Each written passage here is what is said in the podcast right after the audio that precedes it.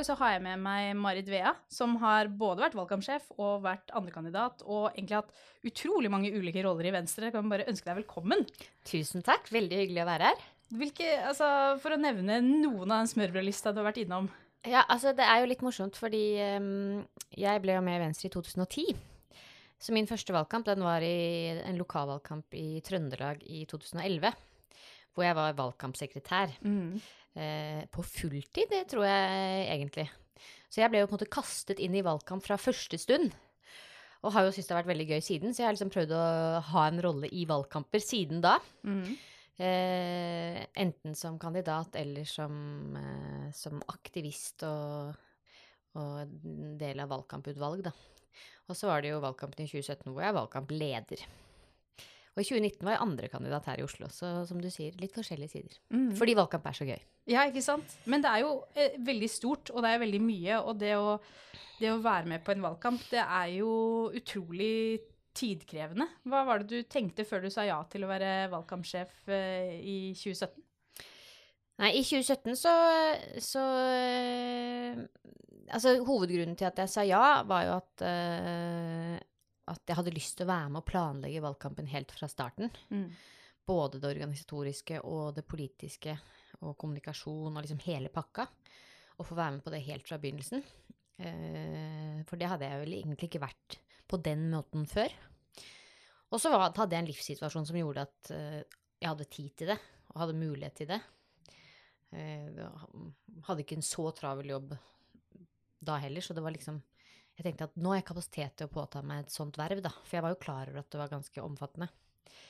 Så det var hovedgrunnen til at jeg sa ja da. Men eh, hvordan forbereder man seg? For det er jo hvordan, du, du, du fikk jo Hvor tidlig begynte du? For å begynne med det. Nei, jeg tror, altså jeg, På den tiden så var jeg nestleder i Oslo Venstre også, så jeg hadde jo vært, vi hadde jo på en måte snakket om valgkamp lenge. Og Mm. så eh, satte vi ned valgkamputvalget på sommeren 2016, altså et drøyt år før, før valget i 2017. Eh, så, så, så da begynte jo på en måte for alvor med valgkampplanleggingen. Og så kommer jeg litt tilbake til det, men man kan jo egentlig aldri begynne for tidlig. Så ett år kan høres lenge ut, men det er jo egentlig ikke så veldig lenge. Så da var vi et ganske stort valgkamputvalg i Oslo på seks-syv stykker som jeg ledet. Og så begynte vi å jobbe rett etter sommeren. Og da hadde vi som mål at eh, Selvfølgelig så er det mye planlegging i den tidlige fasen, men målet var at vi skulle begynne med aktivitet med en gang. Og det tror jeg var veldig lurt. Så man, det var egentlig ikke så mye tid til forberedelse før vi på en måte var i gang. Nei. For da begynte vi å skjønne at sant, nå er det jo tolv måneder. Og Venstre hadde jo ikke noe sånn Altså, vi, Utgangspunktet vårt for valget i 2017 var kanskje ikke sånn glitrende. sånn at vi følte jo at vi hadde en stor jobb foran oss. Så det var jo på en måte bare å sette i gang da når valgkamputvalget var nedsatt og, og alt var klart, så bare begynte vi å jobbe. Ja, for det er jo utrolig mye å planlegge, men det er jo som du sier, man kan jo planlegge seg i hjel, og så plutselig så er valgkampen eh, over en, og så har man ikke noe organisert. Hvordan, hvordan jobba dere med å komme i gang med aktivitet med en gang? Nei, det var, vi, vi snakka om det allerede på første møte, så var vi enige om at eh, i, vi som utvalg skal sørge for at eh, måte all planlegging skal kompenseres med at det også er aktivitet. Også i Oslo så er det ganske sånn, vi har et ganske sånn stram styring på et sånt valgkamputvalg, og du har et mandat, og det er en del leveringsfrister og sånn. Så vi visste jo at vi skulle levere et, en valgkampstrategi rundt jul, så den måtte vi jo jobbe med, og den skulle jo inneholde mange sånne konkrete momenter. Men så fant vi ut at vi kunne jo ikke på en måte bruke hele tiden frem til jul bare til å sitte og skrive på den. Så da var det å prøve å komme i gang og på en måte mobilisere eh, valgkampstemninga litt i hele laget. da. Oslo er jo et ganske stort venstrelag med 15 bydelslag og, og ca. Ja, grovt sånn drøyt 1000 medlemmer. Og prøve å få sette dem i valgkampmodus. Og det er litt tungt ett år før valget, fordi for mange så føles det veldig langt unna. Eh, men vi prøvde på en måte å begynne å, å få lagene til å planlegge konkret aktivitet. Først og fremst på vårparten, selvfølgelig. Men at vi også satte i gang så smått på høsten, da. Ja, og hvordan hadde dere organisert dette? For dere var et valgkamputvalg, men Oslo har jo også denne særegne organiseringen av et eget valgkampfinansieringsutvalg. Hvordan var alle enhetene som jobba sammen? Nei, det, var, det som var fint for oss, var at vi fikk bare ansvar for å bruke penger. Eh, ikke samle inn penger. Så det var jo egentlig veldig sånn ryddig. Så vi hadde jo litt dialog bare for å sørge for at vi visste hvor mye penger vi kunne bruke, for det ble jo tydelig satt et budsjett og sånne ting. Men det var en ganske sånn grei skillelinje. Eh, og så hadde vi jo også en viktig jobb, var å, å, som jeg var inne på, vi skulle få opp aktiviteten i lagene. At alle lagene fikk sin egen valgkampsjef. Og at de liksom begynte å planlegge sin egen aktivitet. For det er jo ikke sånn at alt kan sentralstyres. Vi skal jo på en måte gjøre jobben lett for Mm. alle de som skal ut på gata og drive valgkamp. Så øh, Nei, så når det gjaldt det med finansiering, så var det egentlig ikke så komplisert. De gjorde sin jobb, og vi gjorde vår jobb. Mm. Men når du kommer utover på vårparten da, og dere, da har det på en måte all planlegginga pågått lenge, hvilke aktiviteter var det dere tenkte dette skal kampanjen til Venstre i 2017 bygges rundt? Mm. Jeg tror noe av det viktigste vi gjorde, som vi gjorde ganske tidlig, eh, det var at vi satt veldig konkrete mål. Og det tror jeg ikke vi hadde gjort i Oslo Venstre tidligere, og det hadde vi fått inspirasjon fra faktisk fra dere i hovedorganisasjonen som Nå husker jeg ikke ja, det var på en sånn skolering jeg var på, hvert fall. At vi, at man, at vi lærte at istedenfor å bare snakke om at vi skal ha en viss prosent, for det er jo egentlig ganske sånn um, abstrakt å si sånn vi skal ha i Oslo da over 8% for eksempel, da. Eh, så er det vanskelig. Ok, hva betyr det egentlig? Men så fant vi ut at hvis vi skulle ha to på Stortinget, så måtte vi ha grovt regna 30 000 stemmer i Oslo. Og det blir plutselig mye mer konkret, fordi da kan du allerede i september tenke hm, hvor mange stemmer er det egentlig per dag? Eh, Og hvor mange stemmer er det egentlig per aktivist? Og så skjønner man jo også at hvis man ikke tenker på det før i august, så er det plutselig 1000 stemmer om dagen du skal på en måte sanke inn. Så det var veldig nyttig både for oss i valgkamputvalget, men ikke minst for bydelene, for vi brøt det ned sånn at alle de 15 bydelsutvalgene hadde et visst antall. For det er jo ikke alle bydeler i Oslo hvor du kan regne med å få like mange stemmer. Så i samarbeid med de som var valgkampsjefer og lokallagsledere i bydelene, så fant vi ut av hvor mange stemmer de skulle få. Og det var jo liksom fra noen hundre til eh, over 2000, da. Per bydel, sånn grovt regna. Og det var veldig nyttig, for da kunne de begynne å tenke, og vi kunne begynne å tenke Ok, for det første så skjønner vi at det er mulig. Det er mulig å skaffe 1000 på en måte, å, å komme i kontakt med 1000 velgere og få overbevist 1000 velgere. Det er mye enklere enn å begynne å snakke om sånne prosenter. Og så var det veldig morsomt i Oslo, fordi at vi hadde mål med 30 000 velgere, og så fikk vi, tror jeg, 30 399 eller noe sånt. Så vi, vi nådde jo målet nesten akkurat. Nå er det sikkert litt tilfeldigheter involvert i det, men jeg tror det også er liksom viktig at, man, at det gjøres så konkret, da. Og da dreide jo alle aktivitetene seg om å nå disse folka. Og finne ut hvem de er, hvor de bor, altså mer eller mindre, da. Og så kunne vi liksom fordele ressursene også ut fra det. At eh, Det betyr jo ikke f.eks. at en bydel hvor man skal ha noen hundre velgere, som er færre enn i en annen bydel, at ikke du skal ha noen ressurser der. Men du skal ha nok ressurser til å skaffe de velgerne. Så må du ha mer ressurser da for å skaffe enda flere i en annen bydel hvor vi har enda større potensial. Så det var veldig førende for når vi på en måte styrte ressursbruken, de måltallene der. Så hadde vi også et helt konkret aktivitetstall hvor vi sa at vi skulle banke på 15 000 dører. Det målet tror jeg vi sprengte. Jeg tror vi var nærmere 20 000. Det tallet husker jeg ikke riktig, men vi var i hvert fall godt over 15. Men det var også veldig nyttig, for da liksom Da visste jo, og det også ble fordelt på bydelene. Ok, det var så mange dører de skulle få til. Og når de visste det allerede eh, rundt juletider, så har du jo mye mer tid også til å få gjort det her. Istedenfor at du sitter liksom i august og, og plutselig har, har flere tusen dører du skal ut og banke på. For det er jo ikke noe som står i veien for at man begynner tidlig. Så det var i hvert fall liksom rammen for åssen vi jobbet. Og så er det klart at med budskap og sånn, der er det jo sånn at vi er ganske bundet også av det som skjer sentralt, og de veivalgene som tas der. Og kanskje særlig i Oslo, for toppkandidatene våre jo, har jo historisk sett vært også ledelsen i Venstre. Så i 2017 så var det jo Trine, Ola og Guri som var de tre toppkandidatene våre. Så der måtte vi jo samarbeide ganske tett med, med, med Venstre sentralt også, for å passe på at vi på en måte var på linje. Eh, men vi gjorde litt sånn, igjen tilbake til det der å, å ha aktivitet. Da vi prøvde litt forskjellige varianter før vi liksom fant, fant uh, hovedlinjen vår. Eh, blant annet hadde vi en sånn testkampanje sånn før påske, hvor vi hadde en sånn anti-Trump eh, Men eh, Det var sånn plakatkampanje rundt i ja, ja, vi, og den ble det liksom ikke noe mer ut av. Og man kan sikkert kritisere at det var en litt sånn sidespor, men vi var liksom opptatt av at det var viktigere å ha eh, aktivitet enn at måte, alt stoppet opp fordi man ikke helt hadde funnet gullformelen, da. Um, så, og det tror jeg var bra, for da var vi ute, og vi syntes, og folk syntes det var gøy. Og, og, så, og så fant vi jo på en måte hovedlinjene i budskapet og sånn ehm, litt senere på våren. Mm. Ja, og så er det jo noe med det å få i gang aktivitet tidlig. For, for aktivisten også så handler det jo litt om å bli varm i trøya. Det å gå dørbank f.eks. kan det være høy terskel for, og så blir man varm i trøya. Så når man kommer inn til selve den korte valgkampen, så er man kjempeeffektiv og vet akkurat hvordan man skal gjøre det, og hva som funker og hva som ikke funker, hvordan man skal gå sammen. Og det samme med egentlig aksjoner ute, at man må, trenger jo litt grann tid til å bli varm i trøya. Mm, og det er helt, altså jeg vet det med meg selv også, at jeg syns jo det den første dørbanken, den er jo Og så er det jo også noe med at folk eh, er jo ikke helt sånn forberedt på å få et parti på døra sånn lenge før valget. Men det må de bare venne seg til, tenker jeg, da. Og ikke minst vi også. Fordi at det er jo nesten enda hyggeligere å besøke folk når ikke du er liksom helt opp til valgdagen. Ja, for da, da kan du ha en litt sånn Da tror jeg også folk opplever at du har en litt mer avslappa tone, og du faktisk er interessert i å høre på dem, og du liksom ikke bare er på sånn velgerjakt, da. Så jeg syns jo det er kjempebra hvis vi kommer i gang med aktivitet tidlig. Eh, Men, men jeg kan jo innrømme at eh, også i Oslo, selv om vi kom tidligere i gang enn kanskje vi har gjort før, så var det jo fortsatt sånn at eh, vi kunne kommet i gang Hadde fått enda mer aktivitet på et tidligere tidspunkt. Og det blir jo alltid en sånn innspurt i den korte valgkampen. Så det tenker jeg er sånn å finne en oppskrift på åssen man på en måte kan få den, den derre valgkampgløden enda tidligere. Den eh, må vi jo liksom fortsatt jobbe med. Det må bli Mhm. enda bedre til neste valg, eller til det valget vi skal inn i nå. Fordi eh, Nei, vi hadde vel noen mål om enda mer aktivitet før påske, f.eks., enn det vi klarte å få til. Så det Ja.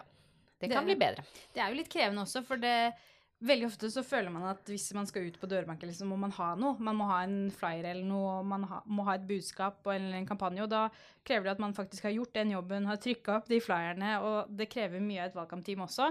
Men det er jo faktisk noen lag som, som også prøver å gjøre det så enkelt som det å bare gå ut et år før valget og spørre hva de er opptatt av. Og eksempel eh, i Oslo så har du masse lokale saker som det går an å bare spørre om hva, som, hva folk mener i den konkrete saken, og gjøre det helt basic. Absolutt. Og, og ikke minst, tenker jeg, vi hadde som mål at vi skulle prøve å sørge for at alle som var aktivis- aktivister i Oslo Venstre, altså alt fra medlemmer til kandidater, de skulle på en måte kunne vinne lunsjsamtalen. For vi Mm. tror jo veldig mange velgere vinnes på en måte på litt sånn uformelle plattformer.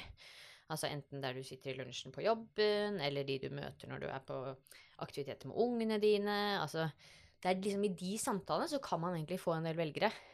Og de samtalene, de kan man i hvert fall ha året rundt. Eh, valgår eller ikke.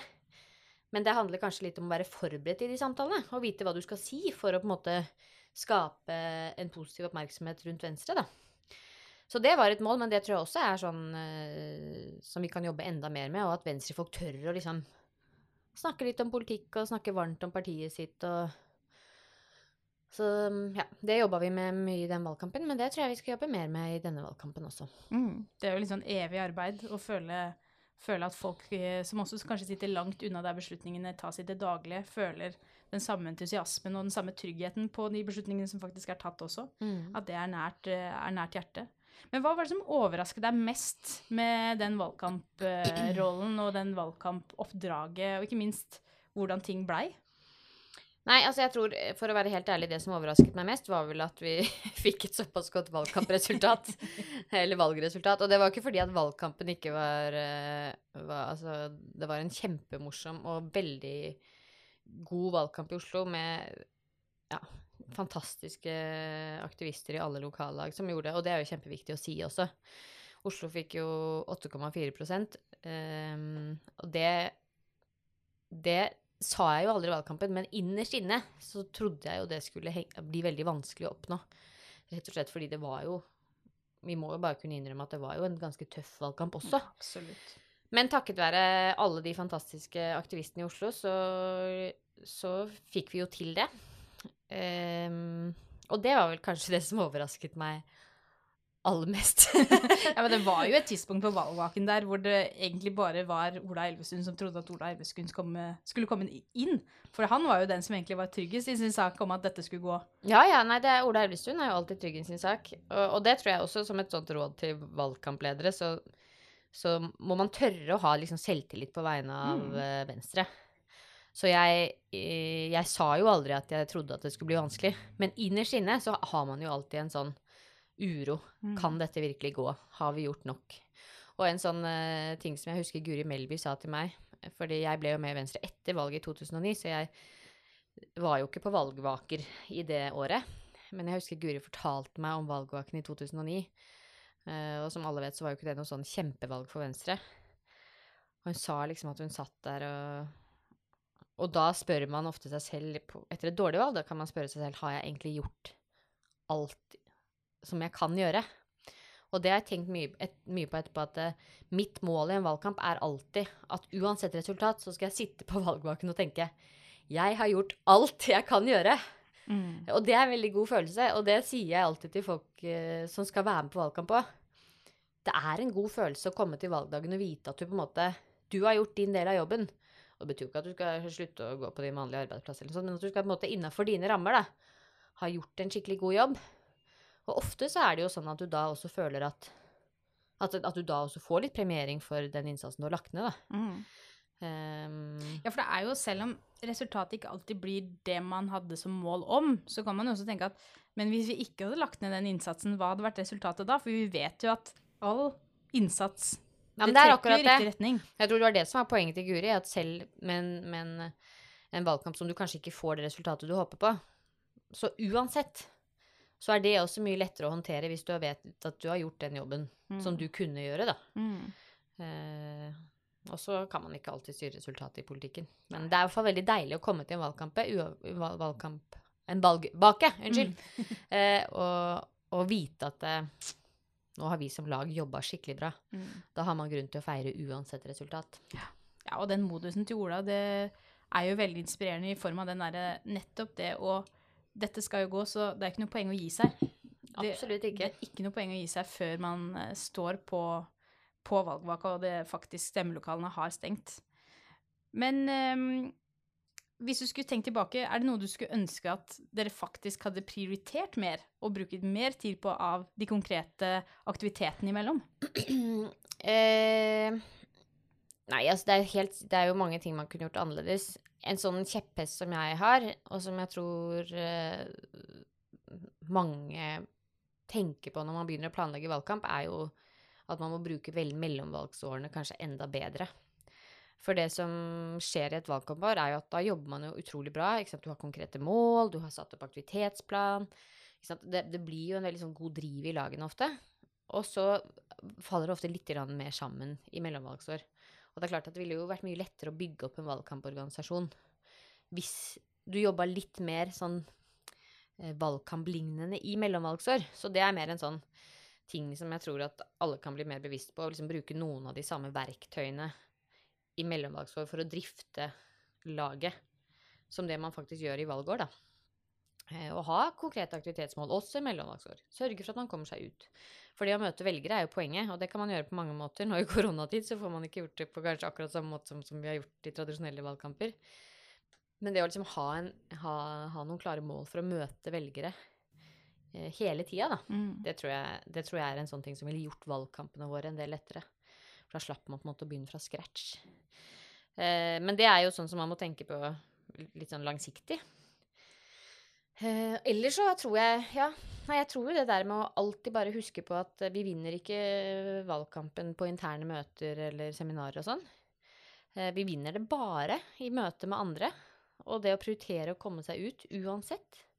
Om det er ut på stand, om det er hjem til folk, om det er for å møte liksom, lokale idrettsklubben eller lokale miljøforeningen eller hva det måtte være. Og bare prioritere å være ute, da. Det er jo liksom første bud, tenker jeg, uansett.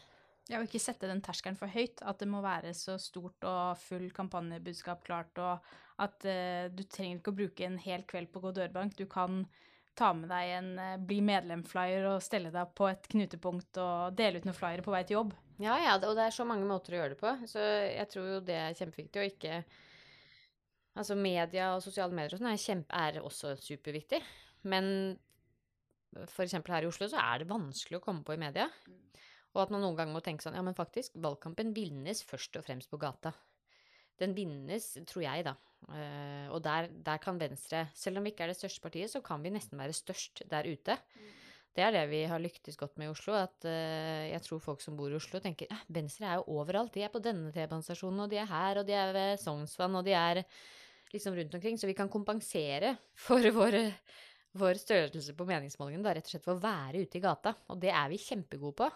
Og det må vi bare fortsette å være gode på. Okay. Mm. Ja, så ser man jo at uh, dette er jo noe som gjelder over hele landet, at vi vet at aktivitet ute i møte med folk, det, det, lønner seg.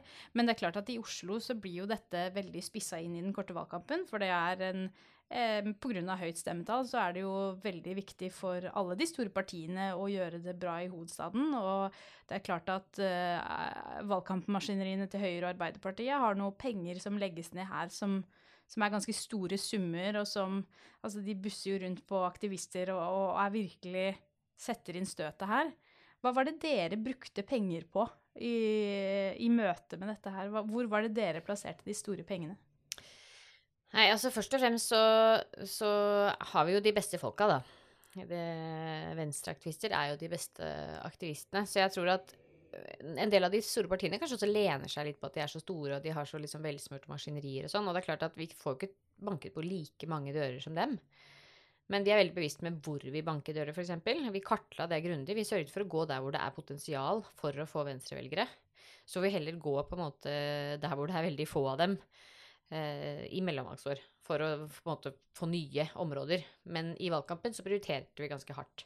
Da sendte vi folka våre der hvor de satt løst. For vi vet jo at det er kjempemange som har Venstre som andrevalg.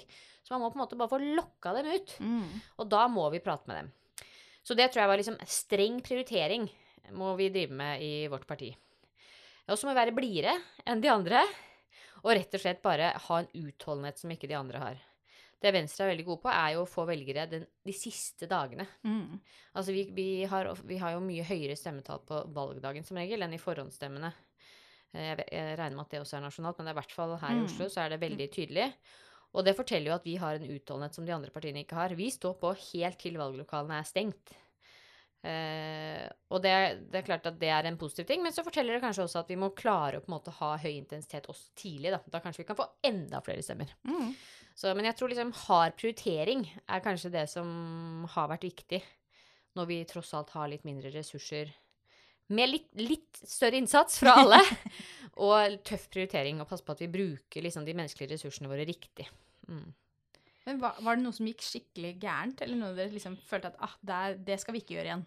Nei, det var mer sånne praktiske ting som uh, Sånne ting som at, uh, at vi sleit litt med å få kjørt ut materiell. Altså mer sånne praktiske ting hvor vi kanskje hadde vært rett og slett litt for dårlige på detaljplanleggingen. Mm. Og det er jo bare sånn man må huske på passe på at uh, alle har de brosjyrene de skal ha til rett tid, altså sånne ting. Uh, så det var sånne ting som vi kan bli flinke til. Og så en bitte liten ting apropos det med materiell, og det er jo egentlig veldig relevant akkurat nå. At egentlig, hvis man velger kandidater tidlig, så bør bildene tas. Mm. Det som bør jo egentlig tas på høsten, når det fortsatt er litt farge i naturen og sånn. fordi det man ofte ender med, er at man skal drive og ta bilder i mars. Og én ting er at folk er veldig sånn bleke i mars, men det er jo ikke løv på trærne, og det ser jo litt sånn gustent ut.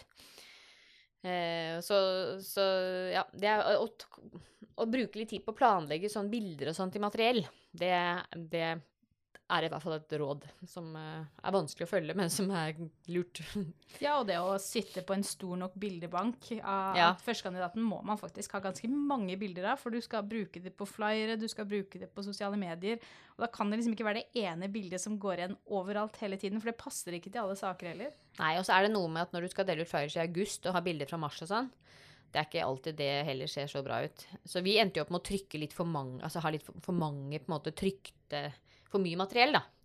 Fordi at vi var litt misfornøyd med det vi lagde tidlig, og så lagde vi noe mer, og så Så det, det er sånne ting som også er viktig å prøve å planlegge tidlig, da. Men det forutsetter jo også at at eh, man er liksom godt koordinert med, med Venstre sentralt, fordi budskapet sånn utformes jo der. også. alle må kanskje Ikke bare vi lokalt som må være tidlig ute, alle må kanskje være litt tidligere ute, så vi kan få gjort noen sånne budskapsvalg litt tidlig og få laget material, ma materiell. Eh, ikke altfor seint også. Men Oslo har jo hatt, egentlig vært veldig kreativ til å ha hatt en, en, bred base av materiell som gjør det også mulig for aktivister. Og En ting er å dele ut flere på dørbank og på rushtidsaksjoner, men også hatt materiell retta mot syklister og elbilister, sånn at det går an å drive valgkamp på vei hjem fra jobb og treffe. Kan du si litt om uh, hvilke ulike typer materiell dere har hatt? Ja, vi har hatt ganske sånn uh, Vi har jo selvfølgelig Etter hvert så lages jo den hovedbrosjyren som er ganske lik overalt i landet. Uh, så, så, den er jo den vi deler ut først og fremst på slutten. Men tidlig så pleier vi å ha noen sånne saker som er litt sånn tidsuavhengig. Sånn som du sier, ikke sant, vi er på lag med de som kjører elbil, eller vi heier på syklisten, eller sånn at For det er jo litt forskjellig her i Oslo hva folk er opptatt av, og sånn er det jo helt sikkert rundt omkring i fylkene også. At uh, i noen områder så er det jo kjempehøy sykkelandel, og sykkelfelt er det viktigste av alt. Andre steder kan det være ikke sant, at man får fart på Fornebubanen og T-banen, at der hvor det kommer et nytt T-banestopp, så er det liksom det som gjelder. Så da har vi bare laget sånne enkle ensidere. Ikke noe styr og fjas også, som er ganske lette å produsere. Og så har jo de, har de som er opptatt av den lokale saken, kunnet dele ut den da, til målgrupper hos seg. Og det har fungert kjempebra. Og det er liksom lavterskel. Det er ikke så krevende å lage den type materiell. For det er jo et poeng som ikke vi har vært inne på, men det er klart at å finne de lokale sakene som engasjerer skikkelig, selv om det er en stortingsvalgkamp, eh, det er kjempeviktig. Og på en måte, da kan man jo virkelig mobilisere. Og da gjelder det å bare være litt rask og trykke opp noe som er relevant for de folka som er opptatt av den saken, da. Ja, det trenger ikke å være så komplisert. Du trenger ikke å ha som fullt gjennomarbeidet gjennom mange ledd den ene brosjyra. Nei, nei, nei. Og der pleier jo hovedorg og sånn i Venstre også å være veldig behjelpelig hvis man står litt fast. Og bare få laget noe enkelt. Det er et bilde, en uh, noe sånn ja til T-banestopp her. Uh, eller ja til sykkelfelt her. Hva det nå måtte være, da. Bare smelle på. Og så hilsen Venstre. Det er jo nesten ikke noe mer som behøver å stå. Det er jo bare å knytte Venstre til den enkeltsaken som er viktig. Hva var det som overrasket deg mest med rollen som valgkampsjef som eh, altså Du er jo valgkampsjef gjennom et helt år, men det er jo noen arbeidsoppgaver som flyter litt fordi det er jo en valgkamp, og det er jo levelig, og det er frivillighet, og det er mye som skjer på en gang. Altså når valgkampen Det som var eh, Det du har Det er jo ansvaret er jo stort, på en måte. Og særlig i den planleggingsfasen så hviler jo mye an, Så har man jo et stort ansvar for å sørge for at ting blir planlagt. Det kan du på en måte ikke regne med at noen andre gjør. Eh, men når valgkampen først er i gang, så går det jo på en måte litt mer inn i aktivistenes rekker, da. Da er det jo helt på slutten så skal alle være aktivister. Da er det ikke noe mer å planlegge. Det er ikke vits å sitte på noe møterom og, og tenke ut åssen ting skal gjøres lenger. Så den rollen blir jo på en måte mindre og mindre viktig jo bedre du har planlagt, for så vidt. Så de siste, den siste uka av valgkampen så jeg, gjorde jeg akkurat det som alle de andre. Jeg var ute og banket dører, og jeg mm. var uh, Delte ut flyers og sykla rundt med ja, bananer med klistremerker og ja. Så da, da blir man jo en del av aktivistene. Så forskjellen er vel egentlig ikke så stor, men du må jo bare sørge for at den planleggingen er god nok, sånn at du faktisk får vært aktivist på slutten, da. Mm. Hvordan var det å jobbe så tett på førstekandidatene? For de er jo også en ganske heftig pressa situasjon, eh, spesielt de siste dagene. Ja, nå, jeg tror jeg liksom Oslo blir jo litt sånn uh, unntak. Du jobber jo egentlig tett på kanskje mange andre enn førstekandidaten også. Og det vi har vært opptatt av, er jo at alle de 26 da, som står på liste i Oslo, de er kandidater. Og de hviler det også et stort ansvar på. Når du blir valgt som kandidat for Venstre, så skal du på en måte, da skal du slåss som om du hadde en reell sjanse til å komme inn på Stortinget. Det er det ikke bare de øverste kandidatene som skal gjøre. da. Du skal være ute og motivere lokallaget ditt. Du skal være ute og liksom være stolt av prosjektet Venstre, og du skal på en måte være en sånn sjefsaktivist nærmest da, når du er kandidat. Så det var kanskje like viktig, den jobben, som å jobbe tett på Trine og Ola og Guri de er jo veldig profesjonelle politikere, så det viktigste de kunne gjøre, var jo på en måte å være, å være med å mobilisere medlemmene. Være der ute og være ambassadører for Venstre. Og vår jobb var jo bare å sørge for at vi hadde arenaer der de kunne møte flest mulig velgere. Mm. Og så trengte jo ikke de råd av meg om måte, hva de skulle si, og sånn så mye. Eh, for de fulgte jo planen og er jo veldig proffe. Så jeg tror det var kanskje like viktig å på en måte få fart i de andre 23 kandidatene, da. Mm. Men hva var det beste og det verste med å ha en så sentral rolle i en valgkamp som du hadde i 2017? Nei, altså det beste og det verste er jo på en måte ansvaret. Eh, for det verste er jo ansvaret for at du har ansvaret når det går dårlig òg. Men det beste er jo at du har ansvaret når det går bra òg. Ja. Eh, og i 2017 gikk det heldigvis bra. Men, eh, men det er jo liksom det å, å på en måte føle at man er så integrert i et lag, da. At du på en måte Ja. Det, syns jeg er en utrolig god følelse. Nå har jeg aldri drevet med sånn lagsport, men det her er kanskje det nærmeste jeg kommer, da. Og det er liksom utrolig Og du blir kjent med alle, ikke sant. I alle nivåer. Så man føler jo et veldig sånn fellesskap. Og det skal jo alle føle. Men du får det jo litt gratis av at du er valgkampsjef og på en måte får snakket med så mange og sånn.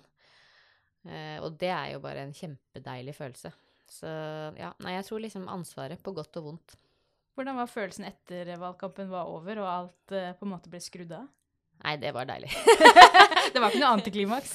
Nei, det var ikke egentlig det, altså. Og så gikk det jo liksom slag i slag med, med forhandlinger for Venstre, og det var veldig mye som skjedde. Og da må jeg innrømme at jeg syntes det var helt greit med noen uker hvor man bare satt på sidelinjen og ikke gjorde så mye. Mm. Så da Ja.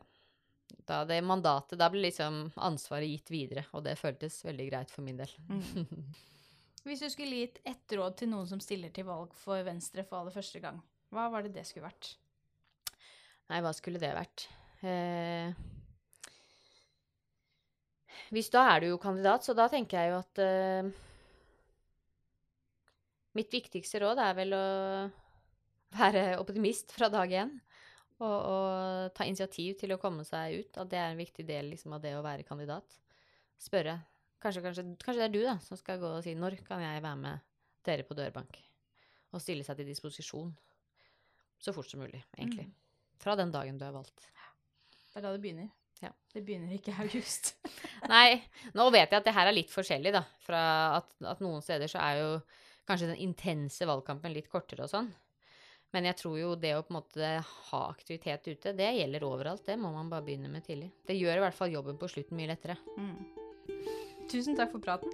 I like måte.